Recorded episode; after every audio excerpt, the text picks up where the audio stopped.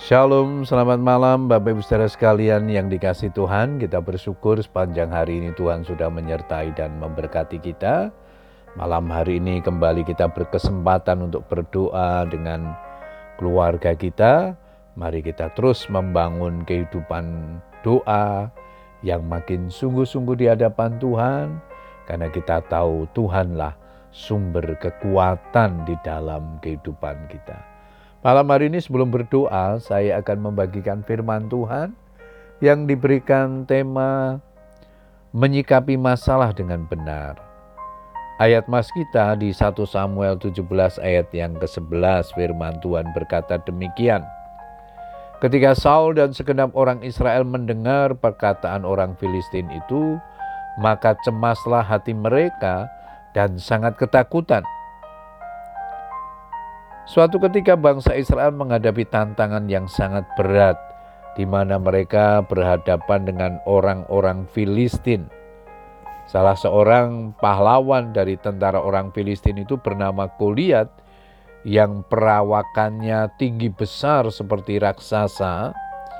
1 Samuel 17 menggambarkan di sana Goliat itu tingginya enam hasta sejengkal ketopong tembaga ada di kepalanya, dan dia memakai baju sirah yang bersisik. Berat baju sirah ini 5000 sikal tembaga. Dia memakai penutup kaki dari tembaga, dan di bahunya ia memanggul lembing tembaga. Gagang tombaknya seperti pesa tukang tenun, dan mata tombaknya itu 600 sikal besi beratnya dan seorang pembawa perisai berjalan di depannya. Melihat sosok Goliat yang seperti itu, Saul dan segenap orang Israel menjadi cemas dan takut. Bapak Ibu Saudara sekalian, cemas merupakan salah satu penyakit hati yang dialami oleh setiap manusia ketika manusia tersebut tidak yakin dan tidak percaya terhadap apa yang ia lakukan atau terhadap apa yang orang lain perbuat. Rasa cemas tersebut sangat menyiksa batin setiap orang yang sedang mengalami perasaan tersebut. Cemas sendiri sebenarnya adalah bagian dari rasa takut. Dalam Kamus Besar Bahasa Indonesia, arti kata cemas adalah perasaan tidak tentramnya hati atau kegelisahan hati. Sedangkan salah satu arti dari kata takut adalah merasa gentar atau ngeri menghadapi sesuatu yang dianggap akan mendatangkan bencana.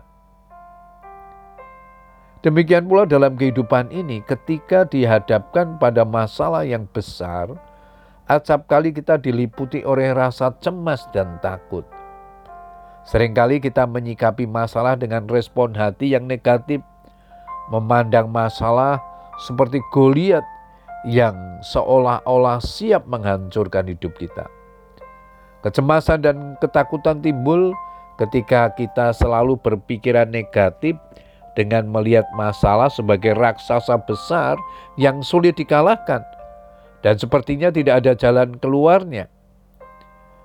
Ada tertulis karena yang kutakutkan itulah yang menimpa aku dan yang kucemaskan itulah yang mendatangi aku. Ayub 3 ayat 25. Perasaan cemas dan takut hanya akan menimbulkan sikap pesimis sehingga kita dipenuhi keraguan dan tidak lagi percaya kepada kuasa Tuhan. Bahkan kita menganggap Tuhan seolah-olah tidak bisa dibandingkan dengan besarnya masalah yang kita hadapi. Bapak Ibu Saudara sekalian yang dikasih Tuhan, mari kita memandang setiap persoalan dengan sikap yang benar.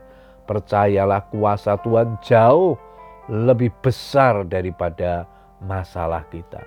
Percayalah kuasanya tidak pernah berubah dan siap menolong kita. Oleh sebab itu, tetaplah percaya kepadanya. Selamat berdoa dengan keluarga kita. Tuhan Yesus memberkati. Amin.